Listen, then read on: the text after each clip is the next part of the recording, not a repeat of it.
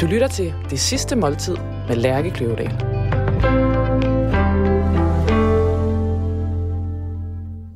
Velkommen til Det Sidste Måltid. Jeg hedder Lærke Kløvedal, og jeg er madanmelder på Politiken og journalist. Hver uge inviterer jeg en gæst til at spise deres sidste måltid sammen med mig. Gæsten har valgt en forret, en hovedret og en dessert, som udgør deres drøm om det sidste måltid. For inden har vi skrevet gæstens nekrolog, baseret på fakta og søgninger på nettet. Undervejs i programmet læser jeg nekrologen op for min gæst. På den måde får vi forhåbentlig i fællesskab fundet frem til gæstens eftermæle. Ugens gæst er komiker, radiovært og skuespiller Lars Hjortøj, som du måske kender fra Mandrilaftalen, fra Langt fra Las Vegas eller fra et af hans one-man-shows. Lars Hjortøj har valgt en menu, der består af en kartoffelmad til forret, osobuco til hovedret og ost til dessert. Lars Hjortøj, velkommen til øh, det sidste måltid. Tak. Velkommen til dit sidste måltid. Ja, sådan der. Sådan der. Forhåbentlig. Jeg håber ikke, du er sådan overtroisk. Nej, det er jeg heller ikke. Det er Okay. okay. på ingen måde. Øhm, der står en tallerken foran dig mm. med en forret, som du selv har valgt. Ja, Hvad er det? jeg har valgt en kartoffelmad, og den er rigtig, rigtig fint anrettet. Det er en solid skive rugbrød. Så er der fine skiver af kartoffel. Der er rødløg, der er karse. Der er dutter af forhåbentlig, nu har vi jo ikke smagt det endnu, en hjemmerørt mayo. Og så er der nogle øh, friterede løgring på toppen. Gætter jeg på. Ser det ikke sådan ud? Det ser sådan ud. Den, øh. Og så plejer den jo skulle have noget salt og peber, men jeg gætter på, øh, hvad hedder det, køkkenchefen har... At Alban har forsynet den. Jeg synes, der er lidt øh, peberdrys. Ja, jeg synes, jeg kan se lidt. Det er der jo også altid en... Øh, altså, noget med at få, altså, når der ikke er salt og peber, det er jo også sådan, det er fordi, den skal være sådan her. Præcis, ja. og så respekterer vi det. Hvorfor har du øh, valgt en øh, kartoffelmad som, øh, som dit sidste, første måltid? Jamen, det er en mad, som jeg... Øh, Jeg kaster mig altså over det. ja, mens du bare gå i gang, mens jeg taler. Det er et super godt koncept, det her. Bare stille et spørgsmål, så æd foran mig. Øhm, den mad, jeg har valgt, øh, den minder mig om barndom. Mm. Øhm, den har frem for alt den øh, enkelhed, som jeg sætter pris på ved mad. Her er ganske, ganske få komponenter, men hvis man sætter dem sådan rigtigt sammen, øh, så synes jeg, at det er en guddommelig mundfuld, der venter. Nu skal jeg se, om den lever op til, at jeg bare sidder og, og taler om den. Altså på den måde har jeg, altid, jeg tænker jeg, at Alban, vores, øh, vores huskok, er en modig mand. Ikke? Fordi der, der er meget af de her retter, der skal, der skal leve op til noget, man har spist før. Ikke? Jo. skal minde, op til, minde, minde om en erindring. Leve op til en erindring. Jeg synes, det er en voldsomt god kartoffelmad. Mm. Det er, en, øh, det er et ydmygt valg, tænker jeg. Ja. Men øhm, jeg, vil, jeg vil ikke sige det sådan... Selvfølgelig er, er det bevidst, men øhm, det er også et valg, der jeg tænker sådan... Det afspejler i hvert fald noget af det, jeg sådan er rundet af. Mm. Og en bid af sådan noget her sender mig tilbage til barndommen, sender mig i, op på skødet af min mormor, som er hende, der på mange måder åbnede øh, hun skal have æren og, hvad hedder det, og anklagen for, at, øh, for min begejstring for øh, mad, og For din sult. hvor min sult, det var mormor, der havde en mormor, som var dygtig til at lave mad, og som kunne sådan noget med at samle hele familien. Det var ikke usædvanligt, at vi var øh, hvad har vi været, 15-20 stykker til frokost om lørdagen hos hende. Det var heller ikke usædvanligt, at der var 20 retter Simpelthen. øh, som hun med sine rystende gigthænder formåede at frembringe. Og jeg ved, at hun kun havde, der var kun tre ud af de der fire blus, der virkede og sådan noget. Hun kunne ikke betjene en kassettebåndoptager, at hun kunne lave mad til 20 mennesker. Og det var med, kan jeg jo, når jeg spejler det hvad jeg sådan ellers har fået, det var jo med en voldsom kærlighed til alle os, der skulle spise det.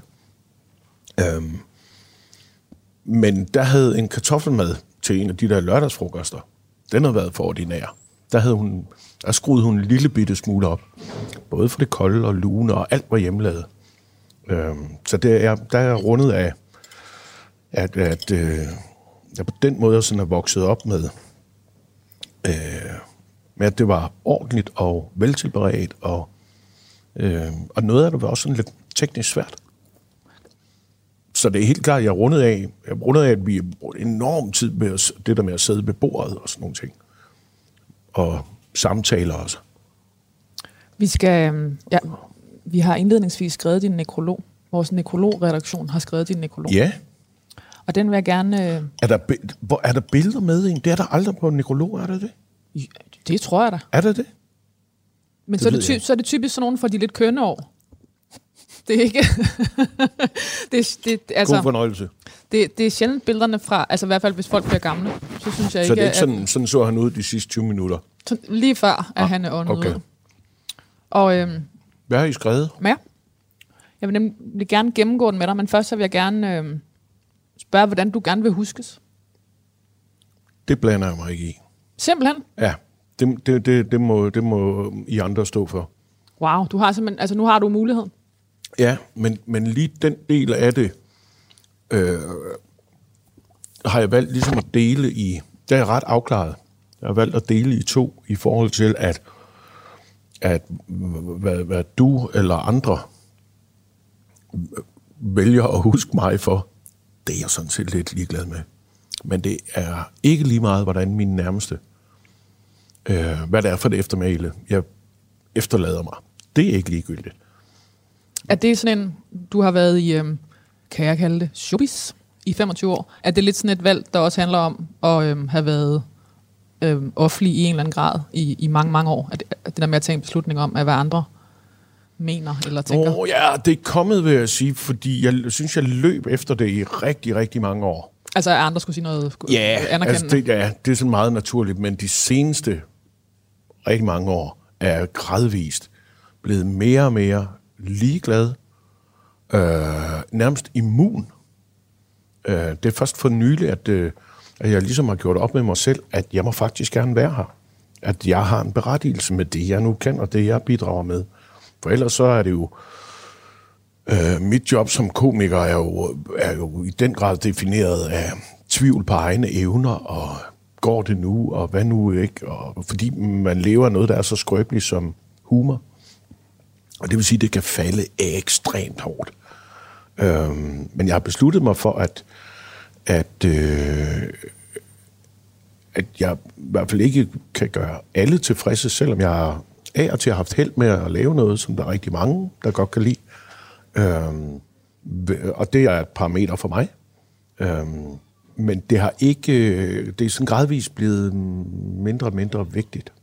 Altså kan du ikke øhm, lære mig den der immunitet? Altså kommer den med nok succes, eller kommer den med alder, eller kommer den med noget helt tredje? Jeg tror ikke, det har sgu ikke så meget med succesen at gøre. Jeg tror, det har mere med værdien at gøre, fordi succes er øh, en fuldstændig... Det, det er jo en ekstrem flygtig størrelse, øh, som sådan popper op, og det er som regel andre, der vurderer den. Fordi jeg har lavet noget, som jeg synes er en succes, men det deler jeg ikke med særlig mange. Så hvad er parametret? Er det, når hele nationen klapper i takt, eller er det, når jeg egentlig synes, jeg har leveret øh, et tilfredsstillende stykke arbejde? Øhm, Hvordan kom du ligesom derhen? det er, jeg har fået utrolig mange slag, og jeg har til gengæld også opnået at få det modsatte, rigtig mange klap på skuldrene. Øhm, og meget ros, og meget anerkendelse. Øhm, og det er, øh, det er ikke, fordi jeg nedvurderer det, men på et tidspunkt når det også et niveau, hvor man kan sige, den eksponering, nu nævnt selv, jeg har været med i 30 år, men den eksponering, det vil sige, det, altså i mit voksne liv, når på et eller andet tidspunkt øh, et mål, hvor, fordi den i perioder er massiv, hvor den også sådan bliver, øh, og man sådan piller, kratter lidt i den, så bliver det sådan lidt værdiløst. Altså, du ved, hvad skal jeg? Det ændrer ikke så meget ved mit liv. Jeg har lavet øh, et radioprogram, der havde 850.000 lyttere hver uge. Og så tænker jeg på tiden, kan jeg vide, om jeg blev lykkeligere af at have 9.000? Mm. Eller om jeg blev ulykkeligere af at have 600.000? Altså, det er sådan nogle underlige... Det, det tænker det er i hvert fald ikke det, der skal være min... Det skal ikke definere min sådan livskvalitet alene, så jeg er nødt til at finde noget andet. så har jeg oplevet, at der er nogen, især mænd, der går lidt for sent i gang med at skrive deres eftermæle. Dem gider jeg ikke være en del af. Så jeg prøver hver dag at se, om jeg kan sætte et lille øh, komma eller en parentes for min nærmeste. Men hvad alle... Altså i forhold til at være noget for dem. Ja, Ja. ja. Altså du ikke ligesom var ham, der var på... Øh, ja nu på næv, nævnte jeg før min mormor, som, og det er efterhånden jo været 15 år siden hun døde. Hun lever stadigvæk. Min morfar også. Øh, Altså i, i rendringen. Det lykkedes dem at lave, mens de var levende, et eftermæle, hvor der stadigvæk er knyttet. Alt det, det vi jo blive, vi som regel husker hinanden for, det er jo naturligvis nogle af de gode ting, men det er jo ofte fejl og mangler. Det er jo der, historien er, ikke? Og det synes jeg er interessant. Det smager jo super godt. Ja, det her. er en- Jo, jo. Nå, det, er det, ja, det synes jeg også, og jeg er glad for, at den også... Øh, eller på Albans vegne, kan jeg sige, jeg er glad for, at den lever op til, din, til, til drømmen om en kartoffelmor. Perfekt kogte kartofler. Nu læser jeg nogle sætninger op øh, for dig. Mm. Og så, øh, så tænker jeg, at vi snakker om, om det, om, øh, om det øh, for det første er rigtigt, Ja, og øh, for det andet, om, om det sådan giver mening i et, øh, i et større perspektiv. Nekrolog Lars Hjortøj. Overskriften lyder sådan her. Han var pioner inden for dansk stand-up. står der, hvordan jeg døde? Nej, det havde jeg tænkt på, at vi skulle finde Nå, ud af okay. sammen. Undskyld. Nu afbryder jeg det hele tiden. Nej, jeg var bare nysgerrig. lad, lad os klart tage den med det samme. Hvordan vil du sådan synes, det var optimalt? Jeg kunne egentlig meget godt lide ting, hvis der var et eller andet Hårdt, der ramte my- mystik, der var forbundet. eller det faktisk er det sidste måltid, og det viser sig, at jeg er allergisk over for et eller andet, jeg hidtil har overlevet. Det kunne jeg godt se. At man til aller, aller sidst fandt ud af, fuck, han kunne ikke tåle nødder. Og så lå du og rallede dig ud af ja. mit program. hvorfor vi aldrig vidste det. Men du vil gerne dø lidt mystisk. Ja, spektakulært på en eller anden... Nej, det ved jeg sgu ikke. Det, det, det er... øhm, Jeg har et ret usentimentalt forhold til det. Jeg voksede op, nu nævnte jeg min mor før, der er sygeplejerske, og død, altså hjemme hos os, det, øh, det er sådan noget, man er. altså, der kan også være, at man... Altså nogle gange havde fortællinger om de døde, var nærmest ligesom om, nogen ligesom var gået ud med skraldet, eller ned efter cigaretter, eller et eller andet. Ja, ja, han er jo ikke længere i blandt os. Hvad gør det, han? det var sådan meget, hvad hedder det, sådan på godt og ondt, sådan meget øh, usentimentalt og midtjysk tilgang. Men min mor, der er sygeplejerske og har arbejdet rigtig meget med ældre mennesker, for hende, der var, det, der var døden jo, jeg lige ved at sige hverdag. Så det betød, og jeg tror så, det smitter lidt af på sådan den måde, vi taler om, om død og døde på i, øh, øh, i den familie, jeg er ud af. Så jeg har ikke nogen forventninger til døden jeg vil sige, og det kan jeg sige allerede nu, jeg har udlevet det meste. Så det er ikke sådan, jeg tænker, jeg skal nå at have det og det og det, og så skal det helst foregå sådan, og i stillhed og sådan noget. Prøv at høre, der er slet ingen, ingen forventninger om. Men det, det er alle de der, ligesom der er nogen, der er i gang med at planlægge deres egen begravelse. Det ved jeg sgu. Jeg synes, det er udtryk for et eller andet sådan sygt behov for at kontrollere omverdenen. Det er jeg ikke en del af. Jeg har ikke nogen forventninger til, hvordan jeg skal dø. Han var pioner inden for dansk stand-up og komikkens folkekære Grand Old Man. Ja, Passer det? ja. Komiker, skuespiller, tv- og radiovært og kogebogsforfatter Lars Hjortøj er død. Mm. Vil du have alle de titler på? Jeg tror, det er nok bare at skrive komiker. De andre ting, det er fordi de andre ting, Lærke, det er sådan nogle biprodukter, føler jeg. Ja. Mit afsæt er, at det, det er jo øh, som komiker, og nogle af de der andre ting er fuldt med.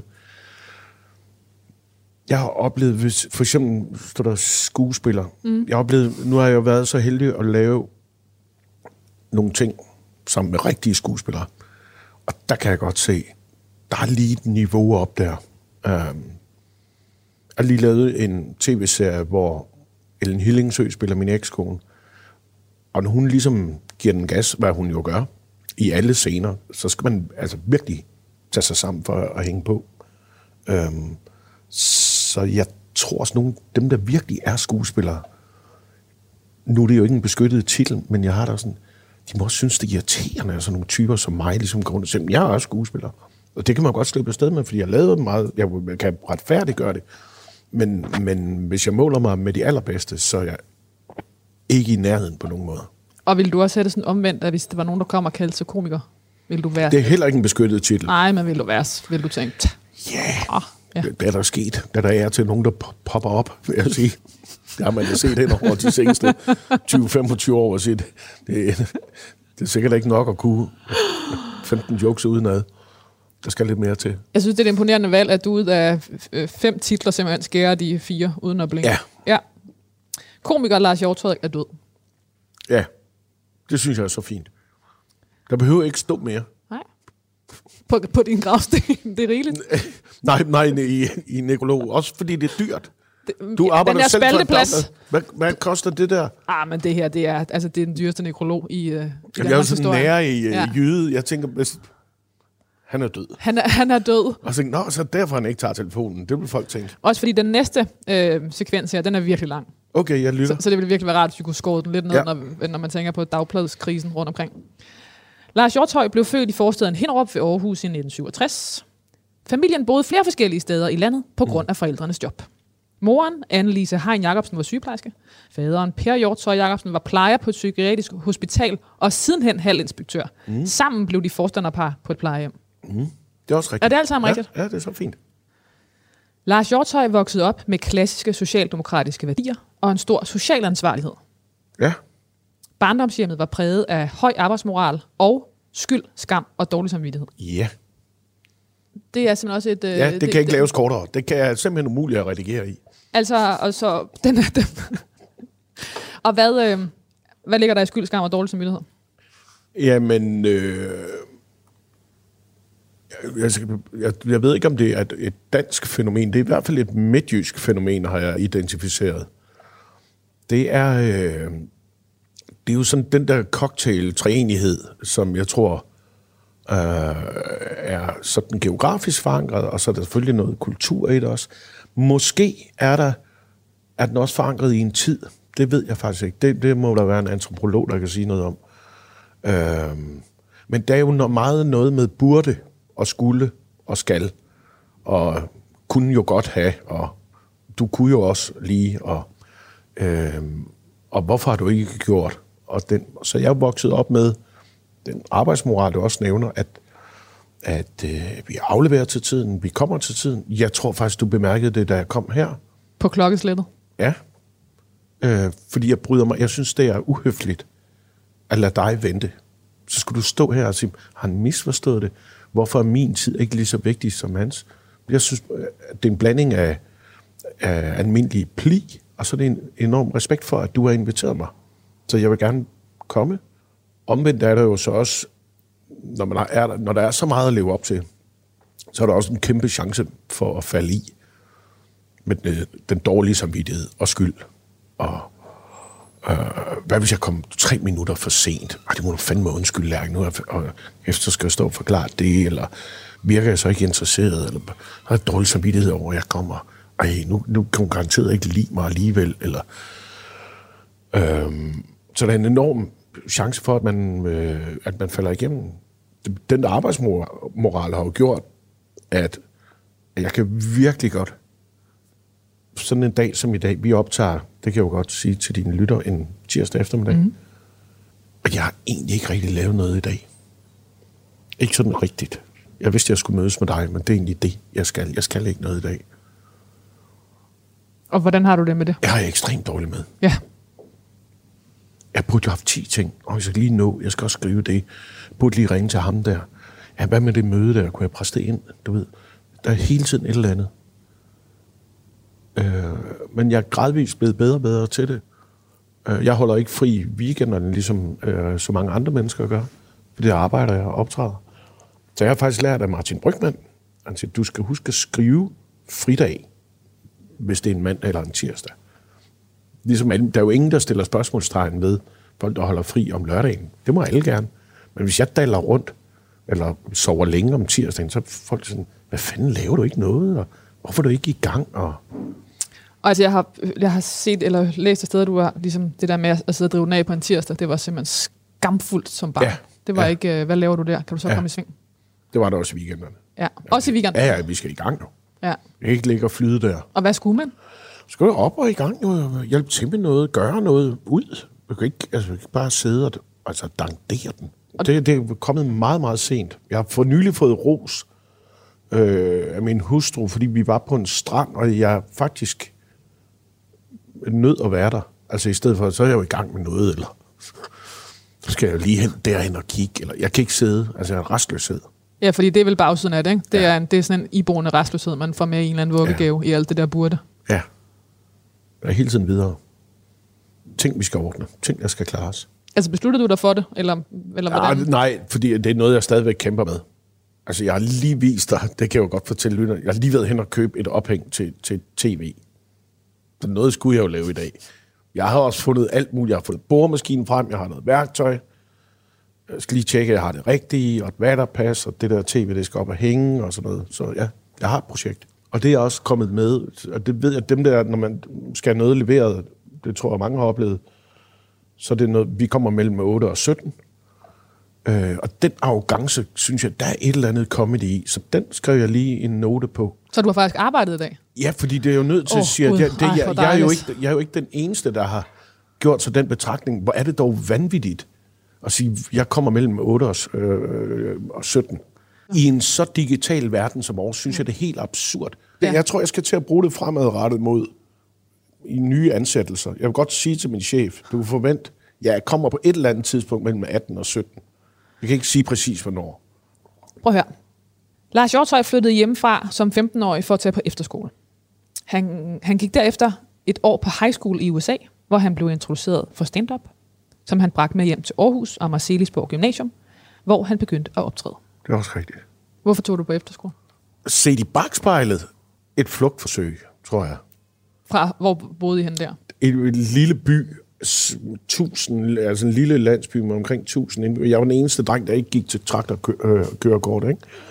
Hvor- Og hvorfor gjorde du ikke bare det? Ej, det skulle jeg sgu ikke. Det, ville du ikke, det kunne du ikke have siddende på dig. Nej, det kunne jeg sgu ikke. Så jeg tror, jeg havde, øh, jeg har hele tiden haft følelsen af at være, en, eller anden- at være utilpasset i en eller anden grad. Jeg kan godt sige, at jeg ikke hørte hjemme i det der, men var jo i tvivl om, hvor jeg så hørte hjemme. Men du, gad, du underordnede dig alligevel ikke og sagde, så, så Nej. er det mega fedt med traktorkørekort. Der var alligevel allerede en, noget spirende rebelskhed. Øhm, Lignede du de andre? Ja, det har jeg sikkert gjort. Bøjle på tænderne og uren hud og alt det der, ikke? Jeg, jo, jeg har sgu nok lignet alle de andre udvendigt. Øh, men jeg befandt mig ikke særlig godt i det. Og, og efterskolen var jo et, øh, ja, et flugtforsøg ind i, kan jeg se nu, en verden, som jo åbnede alt muligt for mig. Begejstring for at optræde. Øh, jeg har altid været enormt glad for at læse. Der, var, der kom der jo nogle nogle øh, meget, meget dygtige lærere, der var øh, vant til at takle og motivere sådan nogle øh, møg-irriterende øh, pubertetsdrenge. Øh, min begejstring for litteratur er også vagt i den periode. Fordi der simpelthen var nogen, der opfordrede dig til at læse. Og lysten til at skrive. Mm. Ja. ja, så betød efterskoletiden også for mig, at jeg har fået venner for livet. Venner, som jeg stadigvæk ser. Virkelig? Har du, så, Fem- altså, ja, har, du, har du dem, der har 35 været god til at Ja. holde fast i gamle Ja. venskaber? Vi er stadigvæk en gruppe, øh, der har meget med hinanden at gøre. Ser hinanden, rejser sammen. Øh, og vi har kendt hinanden alle sammen, siden vi var ja, sådan 15-16 år. Ikke? Sikke en loyalitet. Ja. Så der er noget stabilitet og noget kontinuitet og også noget tryghed ved, at tror, sådan vi alle sammen bliver sådan øh, unge og voksne sammen. Der er en eller anden sådan enorm samhørighed. Men det tog du så også væk fra. Og dem har jeg jo stadigvæk. Nå, jamen, jeg mener, du tog væk fra det, fordi du tog til USA. Ja, det er rigtigt, men heldigvis så ventede de, som Okay. rigtige, rigtige venner gør. Og nogle af dem var også derovre. Ja. De var også derovre. ja, der var et par stykker, som var i USA, et- også et år før mig. Og, Okay, Ja. men I rejste ikke derover sammen? Nej, nej. Og hvorfor tog du til USA? Men... Øh, Altså, hvilket år var, har det været? Det var i 1984. Okay, Ja. Jeg boede derovre 84-85. og hvilket, øh, hvor kom du hen? Jeg boet i øh, Raleigh, North Carolina, en af sydstaterne, øhm, og gik på high school. Jeg var udvekslingsstudent. Øhm, der boede jeg hos en øh, familie med øh, tre børn. Øhm, amerik- sådan en amerikansk øh, øvre middelklasse familie. Og øh, fik, jeg fik rigtig mange venner. Jeg spillede fodbold derovre. Jeg var meget glad for at gå i skole derovre. Øhm, jeg rejste, jeg sad om aftenen og så HBO. Der var sådan nogle comedy shows Det første gang, jeg så stand-up, og jeg var fuldstændig blæst om kul. Altså, jeg, jeg havde lavet, ligesom så mange andre, noget skolekomedie hjemme. Men da jeg ligesom så den der form, hvor man ikke skulle spille og synge og danse. Hvem, hvem var navnene på det tidspunkt? Og stand-up i USA var kolossalt stor i midten af 80'erne. Det var blandt andet før, anført af Eddie Murphy, selvfølgelig, som rigtig mange kender. Steve Martin, Richard Pryor, øh, en meget ung øh, Jerry Seinfeld, øh, Roseanne Barr, Sam Kinison, der var, øh, og en helt selvfølgelig underskov, så var alle de der Saturday Night Live, John Belushi, Dan Aykroyd, øh, Tom Hanks, øh, der var sådan helt, det var en kæmpe øh, bølgelærer i midten af 80'erne, meget, meget populært. Jeg havde aldrig nogensinde set noget lignende. Jeg har vokset op med dansk revy og, og øh, Dirk Passer-monologer, ikke? Tænkte du, det der, at du sad og aflurede dem, og så tænkte du, det der, det tør jeg godt derhjemme. Mm. Ja. Begyndte du i USA? Nej. Altså, jeg havde sådan i, på efterskole og sådan noget fået en fornemmelse af, at jeg kunne godt det der med at optræde og få nogen til at grine og være klædt ud og sådan noget, ikke? Jeg brød mig heller ikke så meget om det der med at skulle lære replikker udenad. Altså, det synes jeg var lidt kedeligt. Jeg gad ikke lave teater. Jeg har aldrig haft ambitioner om at blive skuespiller. Øh, men det andet, der var et eller andet, der var noget vildskab, der var noget autenticitet, og igen, ligesom kartoffelmaden, noget enkelhed. Og jeg er der altså en, en, en mand og en mikrofon, eller en kvinde og en mikrofon, uden virkemidler. Det kunne jeg godt lide. Det, det synes jeg er sådan skrællet helt ind til benet. Det var jeg meget fascineret, og er stadig fascineret af, hvordan knækker man den kode, hvor der er så let at gøre med. Men så havde du aflyttet timing, og du ved... Ja, ja. jeg kunne også høre, jeg kunne også måden, de byggede op på. Plus, at jeg jo afleverede, de talte om sig selv, og det ikke var en eller anden skrevet monolog, og de skulle forestille at være en anden, og, og en, kommer der en med en sjov hat, og, øh, og det, havde, det talte også sådan i tiden, og, der, og de talte om, altså det var, det var sådan hardcore, som man herhjemme på det tidspunkt måske kun kendte fra Monrad og Rislund, er lige ved at sige. Ikke? Ellers så var det jo meget poleret, og linje 3, og Finn Nørbegaard, og ja, sådan, på den måde ikke sådan specielt farligt. Så hvad gjorde du så, da du kom Da hjem? jeg kom hjem, så kom jeg på i gymnasiet, og begyndte også sådan langsomt at optræde, men der var, der var ikke noget miljø i Danmark. Øh, Nej, altså, din, altså folk kan vel dårligt have vidst, hvad du talte om. Altså, ingen på det tidspunkt kendte begrebet, så det var noget, man nogle gange kunne man... Altså, det der ligesom var chancen, det var at blive konferencier. Der var sådan noget, nogle gymnasie- og rockbands og nogle musikkonkurrencer og noget. Altså ligesom sige noget sjovt mellem noget, nogle andre gjorde. Også fordi der var ikke noget publikum, så kunne man lukrere lidt på, at jeg gik jo... Der, jeg var samtidig i Aarhus med altså, gik jo i gymnasiet med Michael Learns to Rock, og det var der samtidig. Der var et stort, stort mi- musikmiljø i Aarhus på det tidspunkt. Øhm, og så kom komikken jo sådan gradvist. Jakob Havgaard blandt andet. Og, ja. Ej, nu kommer der mere. Åh, oh, Hold nu op. Shit, hvor ser det godt ud. Vi spiser risotto, og den er f- en fuldstændig vidunderlig uh, duftende risotto. Også fordi granulatoren der ligger på toppen. Og Og til de lyttere skal vi fantastisk. nok forklare, at den, ja, du til skal der ikke ved det, granulator er persille og hvidløg, friskrevet og skal af citron. Zest, tror jeg, kokkene kalder det. Vil du ikke forklare det hele? Så er der en øh, ossobuco er lavet på, øh, på skank, kalveskank. Øhm, nogle ordentlige skiver, så er de, har de bare fået nogle klø. Jeg gætter på, Alban, hvad? 3-4 timer? Hvor lang tid? 3-4 timer minimum? Er den stået? To og en halv time. To og en halv? Ja. Okay. Det er godt. Ligesom, det skal lige have noget tid, før det begynder at nedbryde alle, alle fiberne i kødet, ikke? Ja. Jo.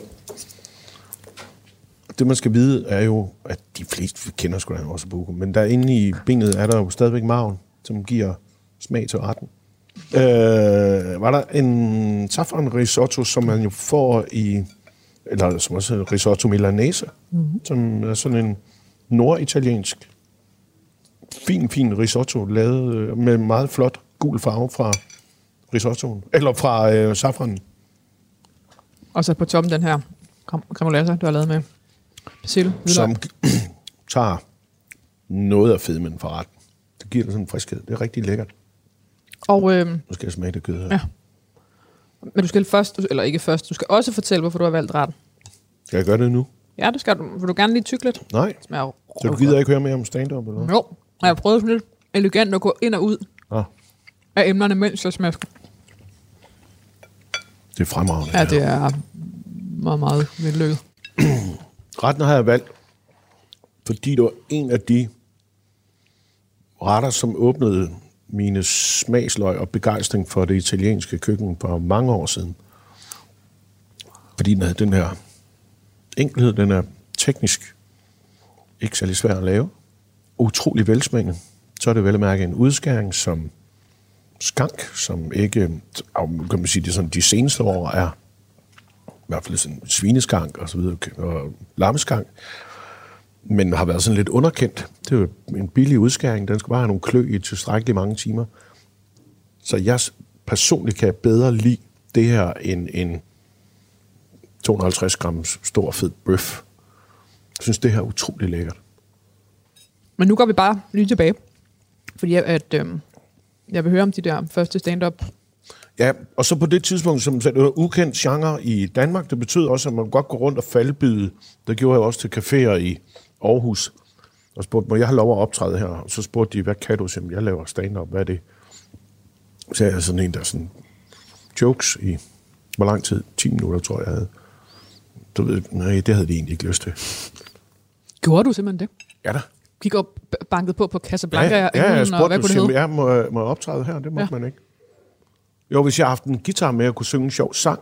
Okay, Men på det tidspunkt, fordi genren var ukendt, så var, så var det lidt mærkeligt. ja, det havde folk egentlig ikke lyst til. Okay, du har også sådan en relativt ung alder øh, forstået et nej, eller ikke forstået et nej. Eller i hvert fald Ja. fået et nej. Først mange år brulagt med afvisninger. Mm.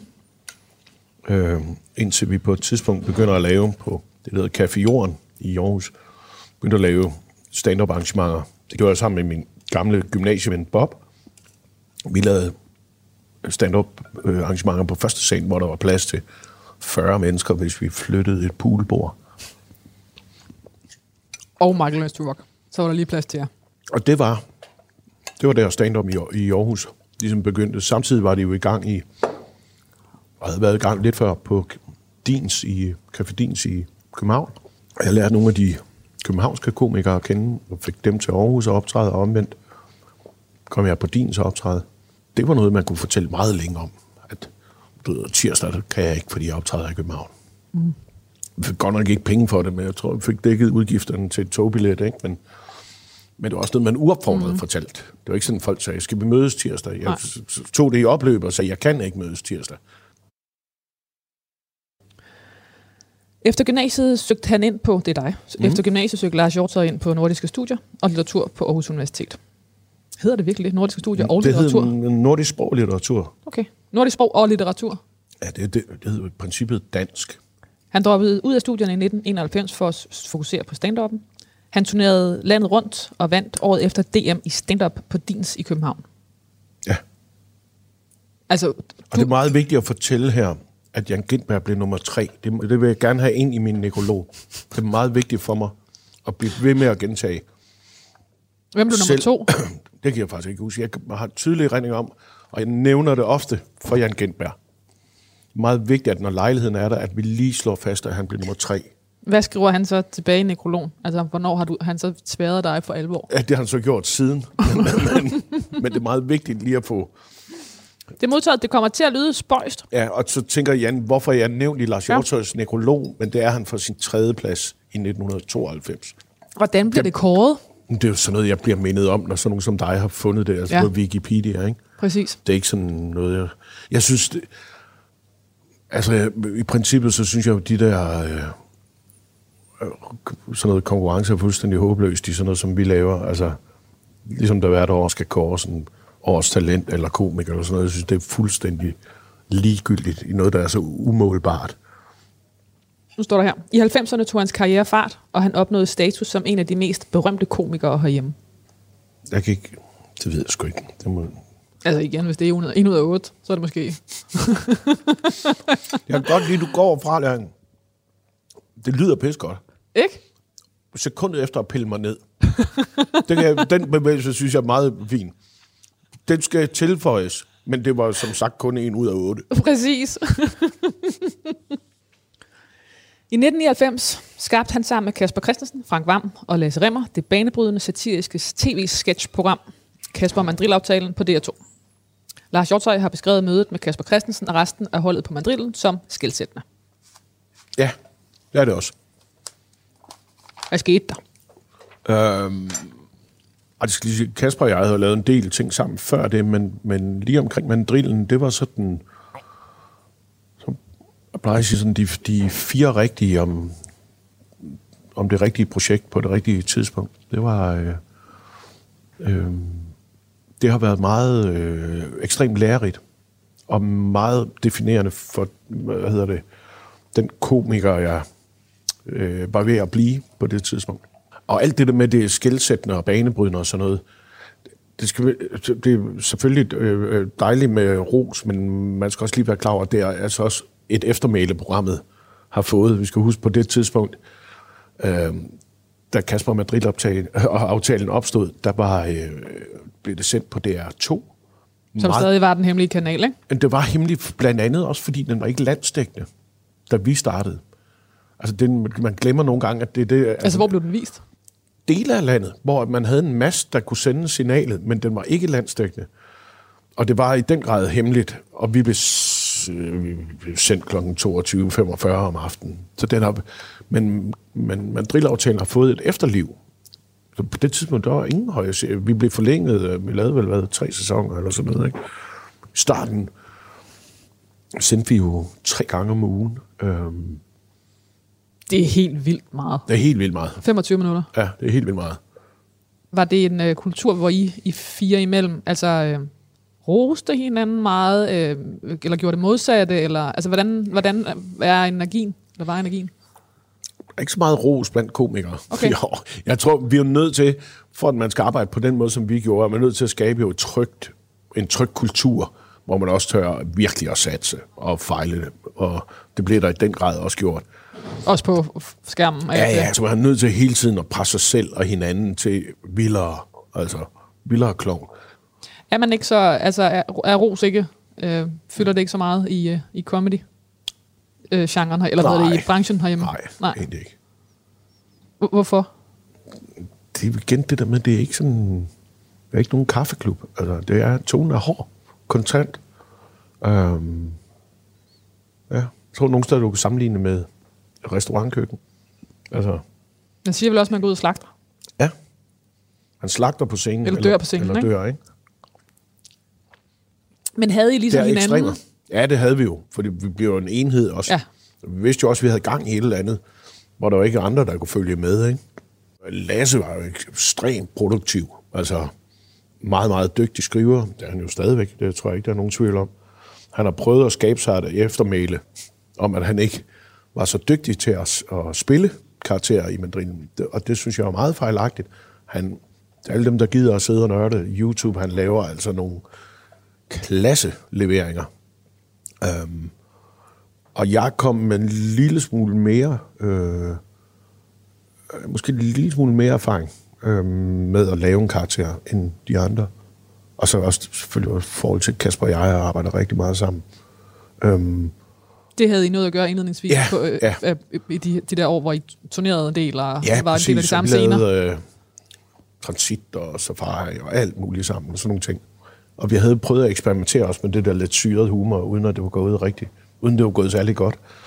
Øhm, Frank er jo, som jeg tror de fleste ved, er exceptionelt dygtig komiker, der altså teknisk er eminent. Altså han er virkelig, han er, er, er lyriker, og siger, er simpelthen en af de bedste, jeg nogensinde har arbejdet sammen med. Han er meget, meget dygtig. Og, og god skriver. Og øh, frygtløs. Hvordan var resten af livet i, de, eller i det år? I lavede jo sådan set kun øh, mandrillaftalen i et år. Øh, for nogle af os vedkommende fyldt med småbørn. Ja, for, for dit? Ja. ja. Jeg havde en pige, der gik i øh, vuggestue på det tidspunkt. Ja. Jeg har da også præsteret at hente hende en gang, altså i I førte et brød- og salsa-kostyme, som jeg ikke kunne nå at klæde om. Så hun er blevet hentet fra vuggestuen i, hvor jeg lidt for meget glemmer i hovedet. Og de tænkte bare, perfekt, der kommer Øh, klovnen, der skal under, Børnene elskede det. Så det, var, Og det var vi jo... bruder salsa. Bruder Der salsa. blev Kasper og jeg. 50 procent af os var jo småbørns forældre ved siden af. Med tre programmer om ugen. Ja. ja. Der optræder jo også rigtig mange ting i programmerne, hvis man nær studerer det. Aktivitetstæpper. Øh, hvad hedder sådan nogle graviditetsbukser, hvor nogle af vores koner sidder hjemme og tænker, det er sgu da, det er da mine, dem der. Hvorfor? Og det er der, de er ind. Altså, der er sådan nogle Og noget med Noget- at gribe, hvad der var for hånden. Og, noget legetøj. Der er, jo- jeg laver en karakter, der sorterer mysli. som er øh, bruder salsa. Eller Ja, nå, ja, det, ja, det er det. Okay, tak. Øhm, og det er jo planket direkte fra øh, Kaspers datter, Kajsa, som hver morgen skulle have mysli, men kun kunne lide havregrynene.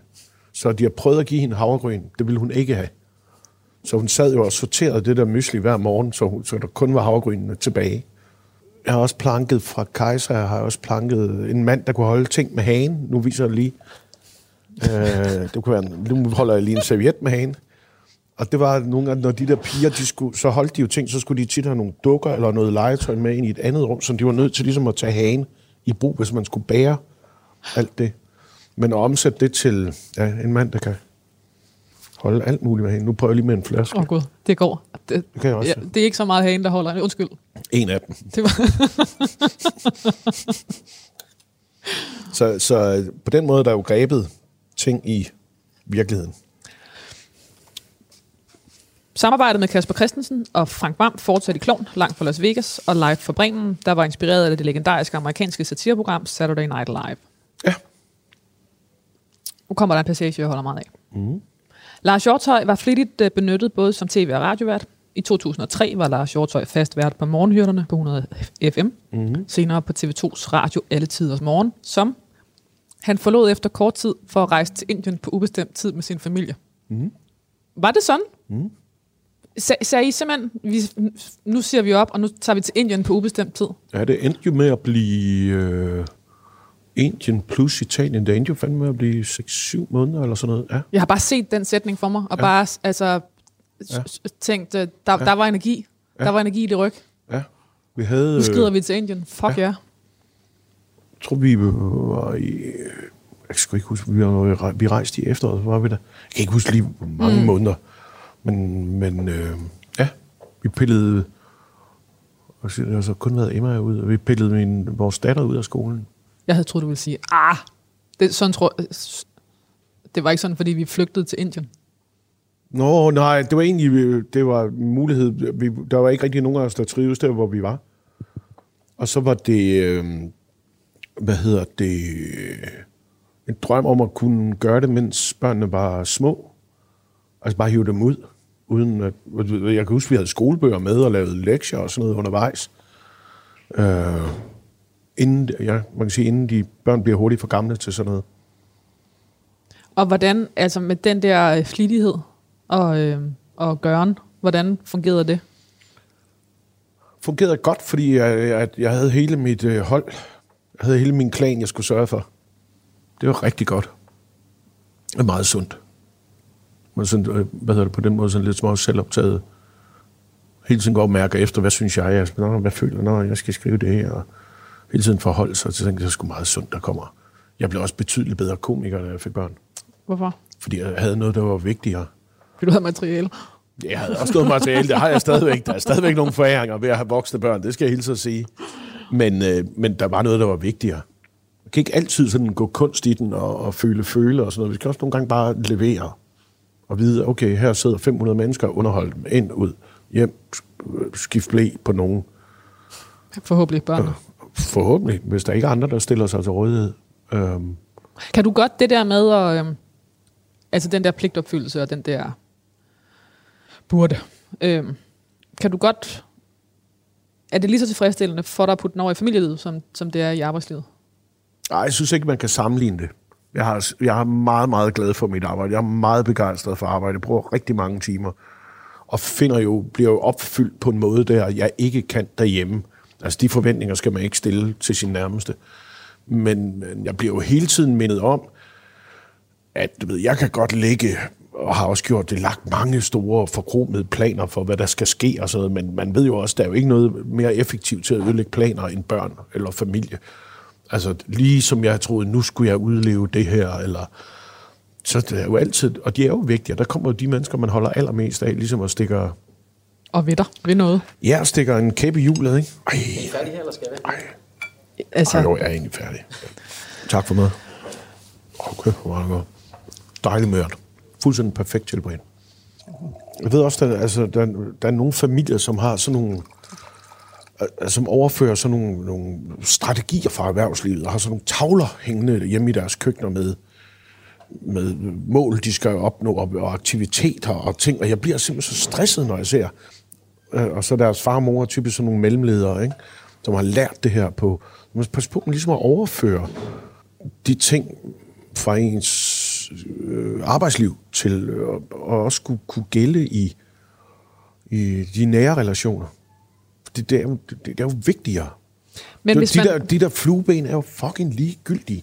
Når, når du har fået det ene kram af din søn, så er det jo lige meget. Han er da bedøvende ligeglad med, hvad du har lavet på arbejde, og du har siddet og fået en dejlig, dejlig Ossobuco sammen med Lars Hjortøj. Det er nok ikke helt ligegyldigt, hvis du lige nævner, at han- det er ham, der lavede julemanden. Det er jo enormt. Det vi to sidder og laver lige nu, er jo ekstremt flygtigt. Folk hører det, og så de glemt det. De kan ikke engang huske, hvem der var gæst, eller hvem der var vært. Nå, nu kommer der lidt ost her til sidst. Den øh, hvide tættest på jer, det er havgrus. Øh, 24 måneders måned halati. Gamle knæs hedder det. Så har vi en øh, Belen Savarin. Den hvide der. God mælk, sådan en flødeost.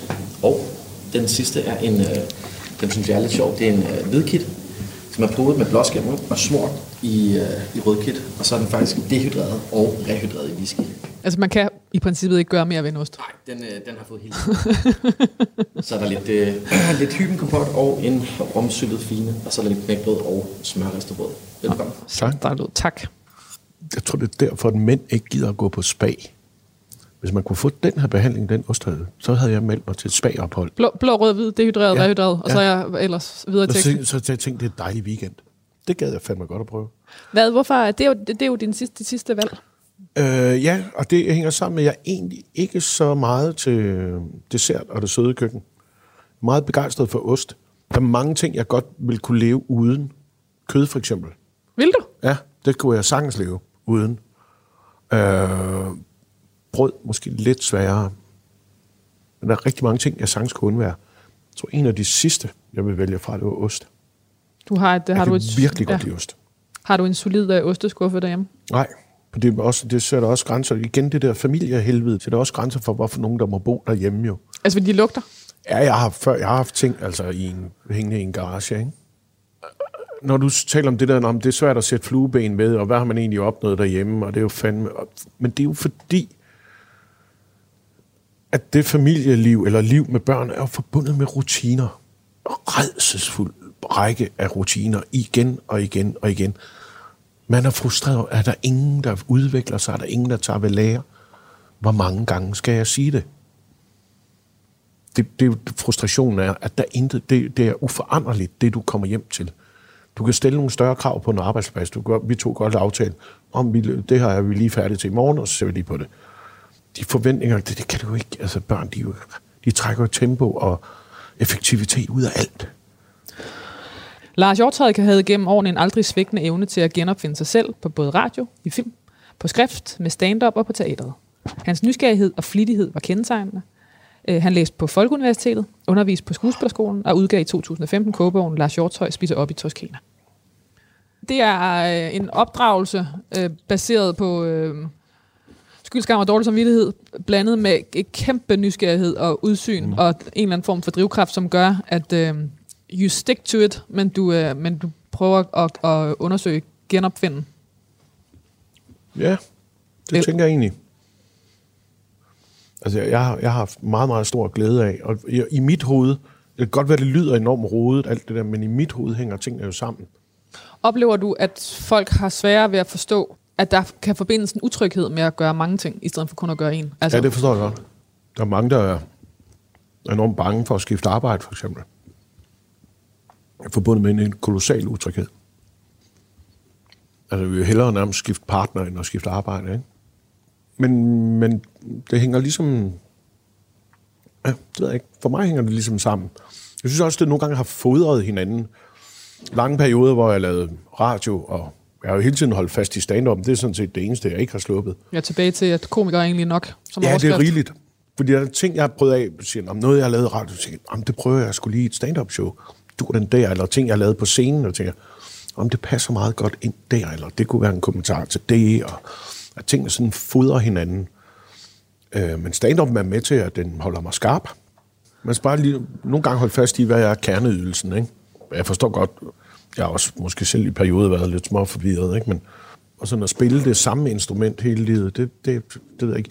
De her ting, meget af det har jeg, det lyder planlagt, men meget af det har jo ikke været, det har aldrig været en strategi, eller med vilje.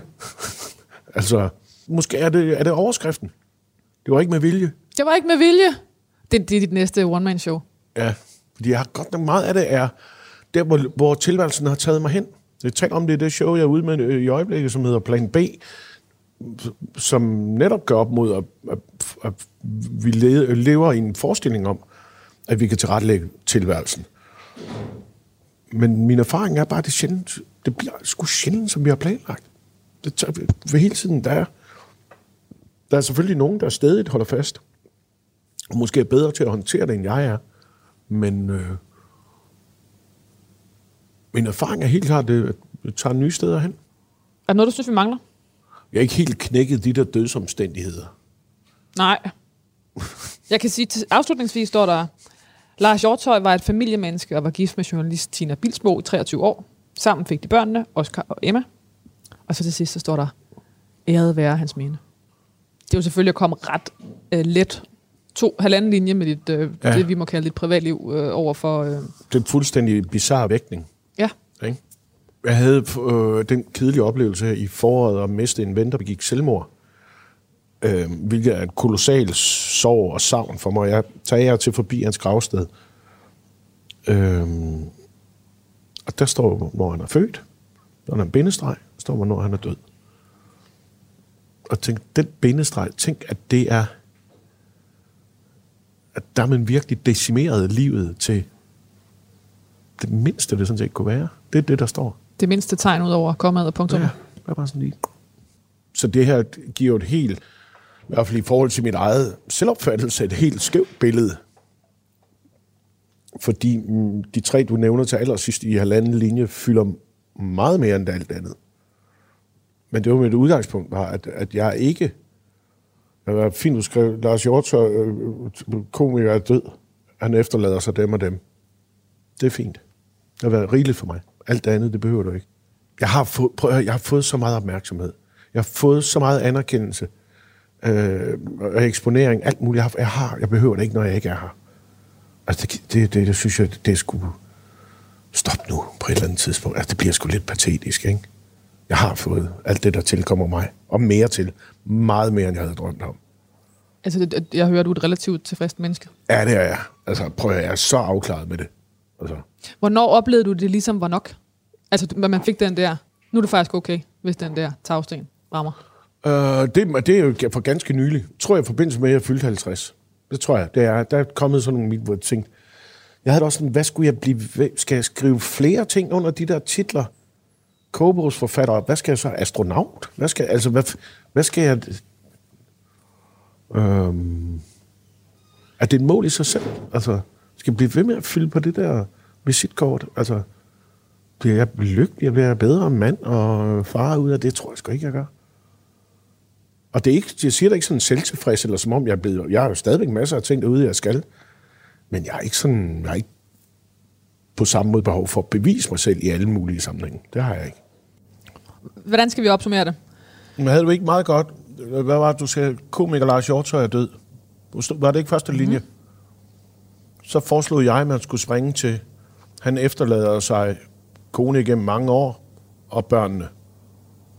Slut. Slut. Æret være hans minde. Lars Hjortøj, tak fordi du vil være min gæst.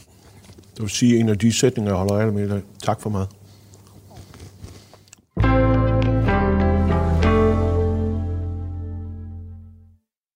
Det var ikke med vilje. Komiker Lars Hjortøj er død. Han efterlader sig sin kone og to børn. Han vandt det første Danmarksmesterskab i stand-up comedy i 1992. Jan Gindberg blev nummer tre. Æret være hans minde.